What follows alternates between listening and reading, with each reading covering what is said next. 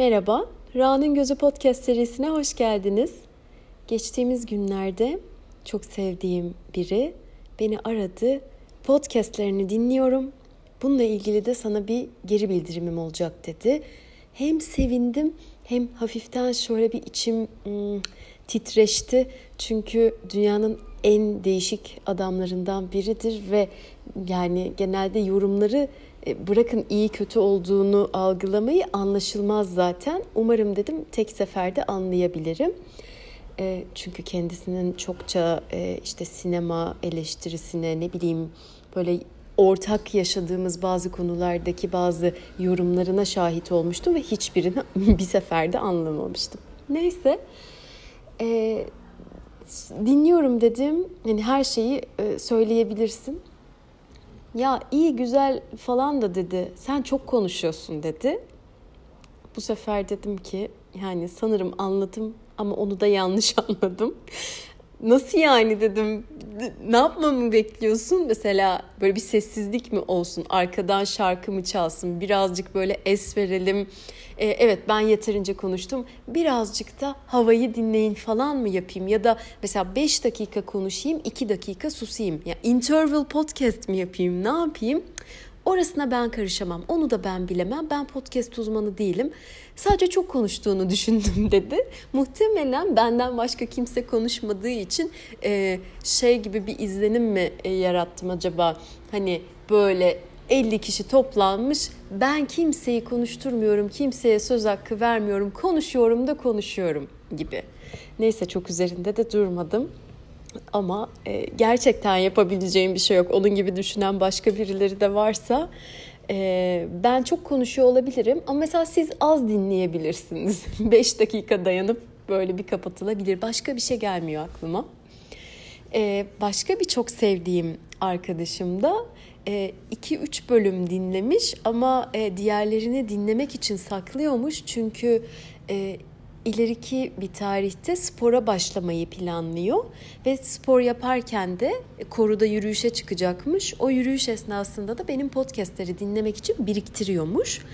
Ee, ben ya umutla bekliyorum o koru yürüyüşlerine başlamasını ama aklıma geldi en son spora başlamaya niyetlendiği zaman işte hazırlığı, onun için alışverişi, kendini fikren alıştırması, ruhsal olarak hazır hissetmesi falan derken bir iki ay geçmişti. E, şimdi o zaman düşünüyorum ben iki ay daha geçerse muhtemelen böyle bir altı ay yetecek kadar podcast içeriği yayınlamış olurum. Kendisine de henüz söylemedim ama bir teklifim olacak. Kendisi dinlesin istediği gibi spora başladığı zaman ben ona garanti vereceğim. Diyeceğim ki sen beni ara ben sana oradan buradan konuşurum. Seni bir şekilde spora alışana kadar oyalarım diyeceğim. Bu konuda da aklıma böyle bir şey geldi. Ve bir tane daha yine podcast ile ilgili dönüş. Ee, aslında hemen hemen her bölüm sonrası e, bu dönüşü yapan arkadaşım. Dönüşte hep aynı tarzda. E, benim böyle bölüm 20 dakika mesela 30 dakika ama telefon konuşmamız bir saat ve bir saat boyunca e, şu şurada şunu söylemiştin. Acaba bunu mu demek istedin? Burada da bu yorumu yaptın. Böyle mi demek istedin? Buradan ne anlamalıyım? Bunun ne anlamı var diye diye diye bir e, yorumlama, sorgulama tarzı var. Ben de ona artık dayanamadım. Dedim ki ya benim bölüm 30 dakika, 20 dakika sen konuşuyorsun 60 dakika. Bence bu kadar anlamlı bir şey üretiyor olmam imkansız. Ya burada bir anlam kargaşası olduğu kesin zaten. Bu kadar derin, bu kadar şifreli, altından bir şeyler çıkarılacak şeyler yapmıyorum ben. Da Vinci'nin şifresi değil. Ne söylüyorsam o yani o an ne düşünüyorsam o, o konuyla ilgili aklıma ne geldiyse o altında böyle çok derin, felsefi, sofistike ya da sığ neyse yani neresinden bakarsanız öyle anlamlar yok. Ama biz bunu o kadar konuştuk ki konu döndü dolaştı. Anlam, anlamsızlık. O zaman hiçbir şeyin anlamı yok. İşte bu bir boşluktayız, bir hiçlikteyiz gibi gibi yerlere geldi. Bu bence hepimizin zaman zaman yaşadığı, içinden geçtiği bir konu. Çünkü bazen unutuyoruz hayatın içine kendimizi kaptırıyoruz. Bazen de fırsatımız oluyor. Ya bir şey oluyor aklımıza getiriyor ya da hiçbir şey olmadığı için aklımıza geliyor. Ne anlamı var? Ne yapıyoruz ki? Niye bu hayattayız? Çünkü yüzde yüz her şeye bilgi olarak hakim değiliz. Yani biz hayattayız. Sonunda bir ölüm var. Bu bilgiyi biliyoruz. Sonrasını bilmiyoruz. Neden buradayız? Ne yapıyoruz? Nereye gidiyoruz? Gibi gibi şeyler içinde kaybolabiliyoruz. O dengeyi tutturmak gerçekten e, çok önemli oluyor yer yer ve e, kendisiyle konuşurken kendimden de örnekler verdim. Bu çok zaten evrensel bir şey olduğunu düşünüyorum. Yani e, hepimizin zaman zaman yaşadığı bir şey. Mesela dedim işte podcast'i konuşuyoruz. Ben bu podcast'i yapmaktan keyif alıyorum. Yapma fikri oluştuğundan beri bir heyecanım var. E, yaptıkça bir şeyler ürettikçe bunun dönüşünü aldıkça bazen dönüşünü almaya sıra gelmeden bir podcast yapıp yayınladığım zaman bile gayet iyi hissediyorum. Ama yüzde yüz böyle yaşıyorum diyemem. Bazen yaparken bile yani şu kaydın e, ortasında bile şöyle bir his gelebiliyor bana. Ne yapıyorum ben? Ben ne yapıyorum şu anda? Ne anlamı var bunun? Ne yapıyorum ki? Ne olacak ki? Kim dinleyecek bunu? Dinlese ne olacak? Hepimiz öleceğiz. Ölünce ne olacak? Nereye gidecek bu anlattıklarım gibi gibi. Yani böyle bir zincirleme şeye girersem zaten sonu hiçlik e, akarsuylarında böyle aka aka aka hiçlik okyanusuna doğru böyle bir e, akış şeklinde devam eder ve gayet normal okey ama hani bunu hissettikten sonra tamam diyorum durduruyorum o kısmı beni ilgilendirmez, şu kısmı beni ilgilendirmez. Benim etkimin ve yetkimin olduğu kadarıyla olan kısımdan ben sorumluyum. Evet, doğum var, arada bir zaman var, hayat diyoruz ve ölüm var. Aradaki süre 3 yıl, 5 yıl, 85 yıl, 170 yıl neyse yani e, ben buna e, kendim karar vereceğim. Yani benim etkimin, yetkimin belli miktarda olduğu kısım bu ve ben bundan sorumluyum. Yani e, ben eskiden çalıştığım şirkete giderken her gün, her sabah Zincirli Kuyu mezarlığının önünden geçerdim ve gözüm hep o yazıya takılırdı. Her canlı ölümü tadacaktır. Bazen böyle bir korkunç bir şeymiş gibi gelirdi. Bazen inanılmaz rahatladığım bir şey olurdu. Yani ben o esnada telefonda bir şey yetiştiriyorum. Aynı anda mailden bir şey göndermeye çalışıyorum. Öğleden sonra olacak sunumu düşünüyorum. Böyle yaptığım her şeyi dünyanın en büyük, en önemli meselesi. Dağları ben yarattım, işte her şeyi ben çözdüm falan gibi bir havaya girerken o yazıyı gördüğüm zaman böyle bir nefes alıp rahatlıyordum. Aman yani ne olacak ya? Ne olacak? Öleceğiz zaten hepimiz rahatlayacağız gibi bir şey oluyordu. Yani her gün oradan geçiyordum ama bazen bir gün bir günü tutmuyordu. Ona tamamen yazı aynı, mezarlık aynı, ölüm konusu aynı ama ben ona nereden bakıyorum ya da bana neremden böyle yakalıyor beni, nereden yaklaşıyor bana gibi bir şey var. Yani az önce söylediğim gibi doğum noktası, ölüm noktası aradaki hayat dediğimiz süre, x zaman. Orada iki tane yol var. Birincisi kendini kaptırıp hiçbir şeyin anlamı yok, her şey boş, her şey boş diye diye bomboş bir x yıl geçirmek. Diğer taraf bunu bir ilham kaynağı, bir motivasyon kaynağı olarak kullanmak. Yani bir anlam varsa da şu an göremiyorsam da yani o anlam gökten zembinle inmek zorunda mı? Ben yaratabilir miyim acaba? Ya da o anlam henüz benim anlayabildiğim bir şey olmayabilir mi? Kendime zaman vermek, hayata zaman vermek, hayata şans vermek, kendime şans vermek ve bu süre nasılsa geçecek. Nasılsa bir sona gelinecek.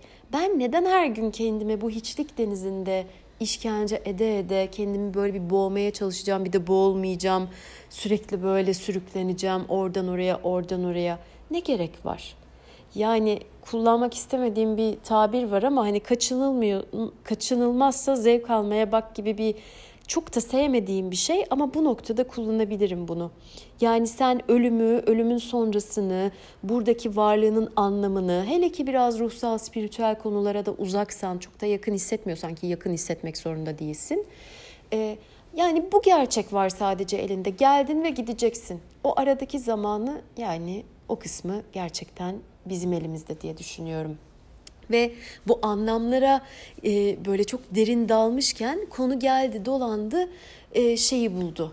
Rüyaların anlamı ne? Ben işte şöyle bir rüya gördüm. Acaba ne anlama geliyor? O kadar her şeyin altında anlam arıyor ki. Bazen anlamsızlık arıyor, bazen anlam arıyor. E, ama güzel denk geldik çünkü rüyalar benim yakın zamanda çok ilgilendiğim, çok araştırdığım ve kendi üzerimde deneyip faydasını da gördüğüm bir konu oldu. Eskiden ben de ay ben rüya görmüyorum herhalde ya da çok az görüyorum, ayda yılda bir görüp hatırlıyorum gibi diyen bir insandım. Ama bu konularda araştırdıkça, öğrendikçe, bazı kaynaklardan faydalandıkça e, bir ritüelim oluştu.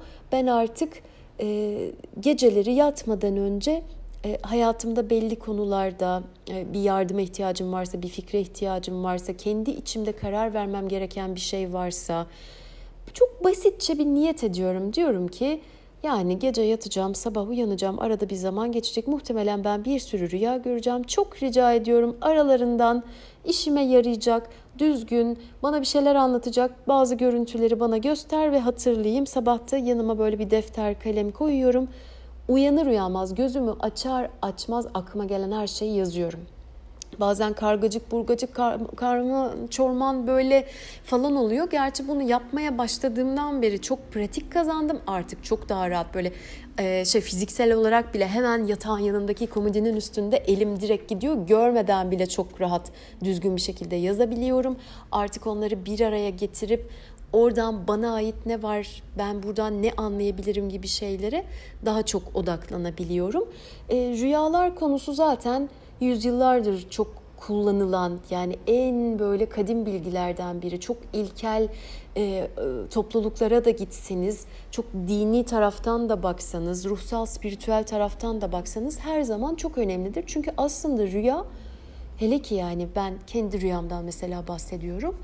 Benim için müthiş bir kaynak. Çünkü onu yaratan benim, onu gören benim, onu içeride üreten, o hikayeyi yazan, o görüntüyü kendime, yani kendimden kendime gönderilmiş bir mesaj gibi. Bu üst benlikten olabilir, bilinç dışı, bilinçaltı bir yerden olabilir. Çok da ilgilenmiyorum. Ben tamamen ne işime yarar, ben bununla ne yaparım, bana nasıl yardımcı olur gibi taraflarından bakıyorum. Dediğim gibi çok benim gibi ben buna çok çok zaman harcadım. Yani böyle acayip okudum yerli, yabancı bir sürü kaynak, makaleler, işte terapistlerin görüşleri, bilmem ne ekolü, şu ekol falan yani çok da keyifli bir yolculuktu benim için. Çünkü ben bir şeyi merak edince böyle her şeyiyle bilmek isterim. Neyse ama çıkardığım sonuç çoğunda da ortak ve basit e, şeyler oldu. E, hani uyanır uyanmaz not edeceksin. Bunu bir alışkanlık haline getireceksin ve kendimde de gördüm ki ay hiç hatırlamıyorum şöyle böyle derken defterler dolusu rüyalar yazmaya başladım. Ha başlarda şöyle bir şey de vardı.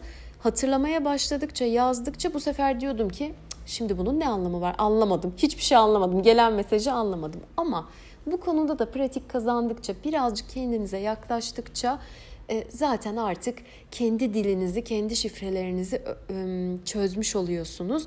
Rüya çok kişisel bir şey. Şeye karşıyım yani gideyim rüyamda kartal gördüm. O zaman sözlüğe açıp bakayım acaba kartal ne demek falan.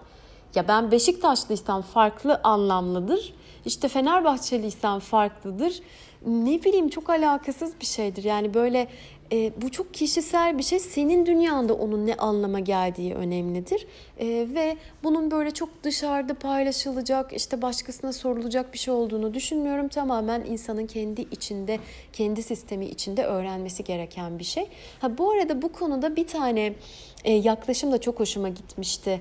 E, Jackie Çöz'ün Kendin Olmanın Dayanılmaz Hafifliği kitabında e, bu yine şeyden bahsediyor hani e, hatırladığınız e, rüyayı not edin, e, onu bir kağıda geçirin, somutlaştırın e, ve sonrasında özellikle de böyle çok rüyayı e, bir hikaye, bir senaryo gibi görmeyen çünkü ben de mesela bazen o şekilde görüyorum başı sonu ortası gelişmesi belli böyle bir sinema filmi gibi görüyorum bazen de kopuk kopuk şeyler gibi görüyorum. Onu diyor ki hani yazarken oradan yola çıkarak öyküleştirin. Yani uydurun tamamen uydurun. E, kimi insanlar şey diyebilir yani ne alaka şimdi o zaman hani şu anda ben e, kalktım uyanık bir şekilde uyduruyorum ne alakası var diye sorulabilir. Ona da şöyle bir yanıt veriyor. Ee, hani uyduran da öyküyü yazan da siz olduğunuz sürece çok ilgisi var. Size işte kendinizle ilgili e, çok güzel şeyler verecek. E, e, görmeniz gereken bazı e, konuları gözünüzün önüne getirecek. Zaten bu düşünmeden yazmanın da hani böyle bazı workshoplarda da yaparlar 10 dakika boyunca hiç durmadan kalemi bırakmadan yazacaksın. Önce sen dersin ki ben şimdi burada ne yazacağım sonra zaman bitti derler sen kendini durduramadan yazmaya devam edersin. Bu yazma eylemi de bununla birleştiği zaman zaten içerideki birçok şey aradığın bir cevap olabilir, kendinde görmek istemediğin, sakladığın, arkada gizlediğin bir şey olabilir bilmiyorum. Birçok şey ortaya çıkabilir. Çok uzattım ama e, yani ben çok faydasını görüyorum.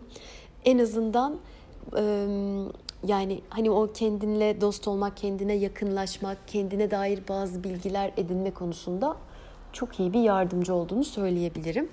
E, bu konuşmamızın sonunda da arkadaşım şey dedi, e, ya peki dedi. O zaman şu rüyam ne anlama geliyor? Hala anlamın peşini bırakmadığı için çılgınca bonibon yedim. Her renk bonibondan avuç avuç yedim. Hala dilimde tuzlu bir tat vardı. Şekere doyamıyordum. Şekerden boğulmuştum falan filan diye. Dedim ki yani biliyorum az önce çok kişisel olduğunu söyledim bu rüyaların ve rüya yorumlarının ama ben sana çok net söyleyebilirim. Sen şeker detoksu yaptığın için gece rüyanda bonibon yiyorsun. Yaptığı şeker detoksuna da e, karşı olduğumu söyleyebilirim. Yani şu şekilde herkes kendisine iyi gelen gelmeyen besinleri e, belirledikten sonra onları azaltabilir, arttırabilir neyse. Hani süt ürünü olur, şeker olur, gluten olur neyse bilemiyorum. Gerçekten fiziksel olarak rahatsız eden bir şey, bir madde varsa okey eyvallah ama bu şekeri bırakmanın, şekersiz beslenmenin hem çok e, yalan bir şey olduğunu düşünüyorum. Yani her ne kadar şekersiz besleniyorum desek de e, yani tamamen besinleri kesmediğimiz sürece vücudumuza sıfır şeker alıyoruz diye bir şey olduğunu düşünmüyorum. Azaltmak okey ama bir şeye böyle bir öcü muamelesi yapmak, düşman muamelesi yapmak e, ya da onu kesince, onu hayatından çıkarınca mucizeler beklemek bana çok inandırıcı gelmiyor. Bu hani 21 gün olaylarına da çok inanmıyorum. Şöyle belli bir süre bir alışkanlık için, bir davranış için, herhangi bir detoks için neyse artık konu e, belli bir zamana ihtiyacımız olduğunu düşünüyorum ama 21 günün herkes için yeterli ve gerekli olduğunu düşünmüyorum. Herkesin 21 günü farklıdır. Yani ben mesela 87 günde bir şeyi çıkarabiliyorumdur. Sen 687 günde çıkarıyorsundur. Ee, bunun çok insanları da yanıltan, hayal kırıklığına uğratan bir şey olduğunu düşünüyorum. Çünkü o 21 günü tamamlayan insanlar e, sonrasında istedikleri sonuçlara ulaşamayınca kendilerini çok suçluyorlar. bu arada bunları bu şekilde konuşuyorum ama yıllar önce ben de bu konuda çok daha tecrübesiz olduğum zamanlarda hem şeker için söylüyorum hem 21 gün için söylüyorum. Çokça konuda bunu denedim. Faydasını gördüğüm ve e, yani yanıma kar kalan şeyler oldu ama sonrasında saçma bulduğum ve hiç gerek yok kendini o kadar kasmaya dediğim şeyler de oldu. Bu konuda Kızgın Şef diye çok güzel bir kitap okumuştum. Anthony Warner'ın. Ee, orada bir saniye ya şurada bir yerde olacaktı. Ben hatta çıkarayım. Oradan altını çizdiğim bir iki şey vardı bununla ilgili. Şimdi bulacağım. İşte spontan olunca böyle hazırlıksız ve şeysiz oluyor. Bu aralar sussam mı mesela bulana kadar arkadaşım da şey der. Ha neyse susmayı da öğrenmiş falan der. Buldum. Diyor ki altını da böyle artık yazının üstünü çizecek kadar çizmişim. Şeker ne zehirdir, ne toksindir, ne de uyuşturucudur. Ölçülü tüketilirse dengeli bir beslenmenin parçası olabilir. Şekeri komple kesmek istiyorsanız bir tek yağ ve protein tüketmeniz gerekir ki bu da sizi fena hasta eder. Şekersiz olduğunu iddia eden hiçbir diyet gerçekten şekersiz değildir. Şekeri kestiğini söyleyen kimse böyle bir şey yapmış değildir. Olsa olsa şekeri azaltmışlardır. Tamamen kesmiş olamazlar. Az önce söylediğim gibi.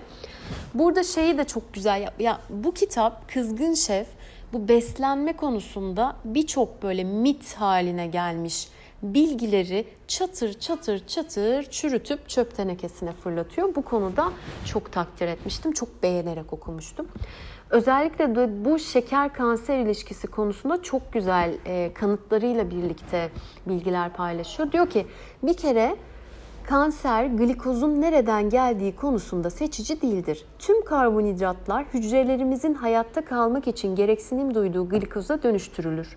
Şekerli yiyecekleri hayatınızdan çıkararak ne bunu engelleyebilirsiniz ne de kanseri yenebilirsiniz. Bu benim için çok aydınlatıcı bir bilgi olmuştu. Hücrelerin gelen glikozun kremalı pastadan mı geldi, armuttan mı geldi yoksa işte tam buğdaylı bilmem ne ekmeğinden mi geldi diye ayırt etme şansı yok. Yani aman işte pasta yeme, çikolata yeme, kanser olursun, kansersen artar, ölür falan. Yani ya bu arada ben böyle aşırı şeker, yağlı, katkı maddeli, kremalı, paketli şeylere falan çok destek olduğum için söylemiyorum. Onlara ben de karşıyım. Özellikle bu tatlı pasta, karbonhidratlar konusunda benim buradaki genelde e, derdim onların içindeki şeker değil, yüzlerce e, eklenen sahte, suni kimyasal maddeler. Yoksa evde yapılan böyle e, her malzemesinden emin olduğun bir cheesecake'in, e, bir elmalı turtanın e, bir dilim yediğin sürece sana çok büyük bir zarar verebileceğine asla inanmıyorum. Bu konuda e, üzerimizde çok baskı var. Yani özetle benim de düşüncem bu şekilde. Kitapta da diyor ki bir yerinde şeker şekerdir. Ne iyidir ne kötü. Çok fazla yersen toksik etki yapar. Zaten böyle baktığımızda bütün gıdalar toksiktir. Zehri zehir yapan dozudur. Yani bu klişe bir örnek hani su içerek bile ölebilirsiniz hani. E, madde her neyse belli bir dozun üzerine gel, geçtiği zaman işte biz onu zehir olarak algılıyoruz diyerek e, burada bu kızgın şefin notlarına bir son vereyim diyorum. Çünkü ben okumaya başlarsam bütün kitabı okuyacağımdan korkuyorum. Ama ilgilenen bu konularla, bu mitlerle, bu gerçeklerle ilgilenen kişiler için çok güzel, akıcı bir kitap olduğunu düşünüyorum. Diyerek bu spontan oradan buradan e, serisinin ikinci bölümünü burada bitiriyorum. Sonraki bölümlerde görüşmek üzere. Hoşçakalın.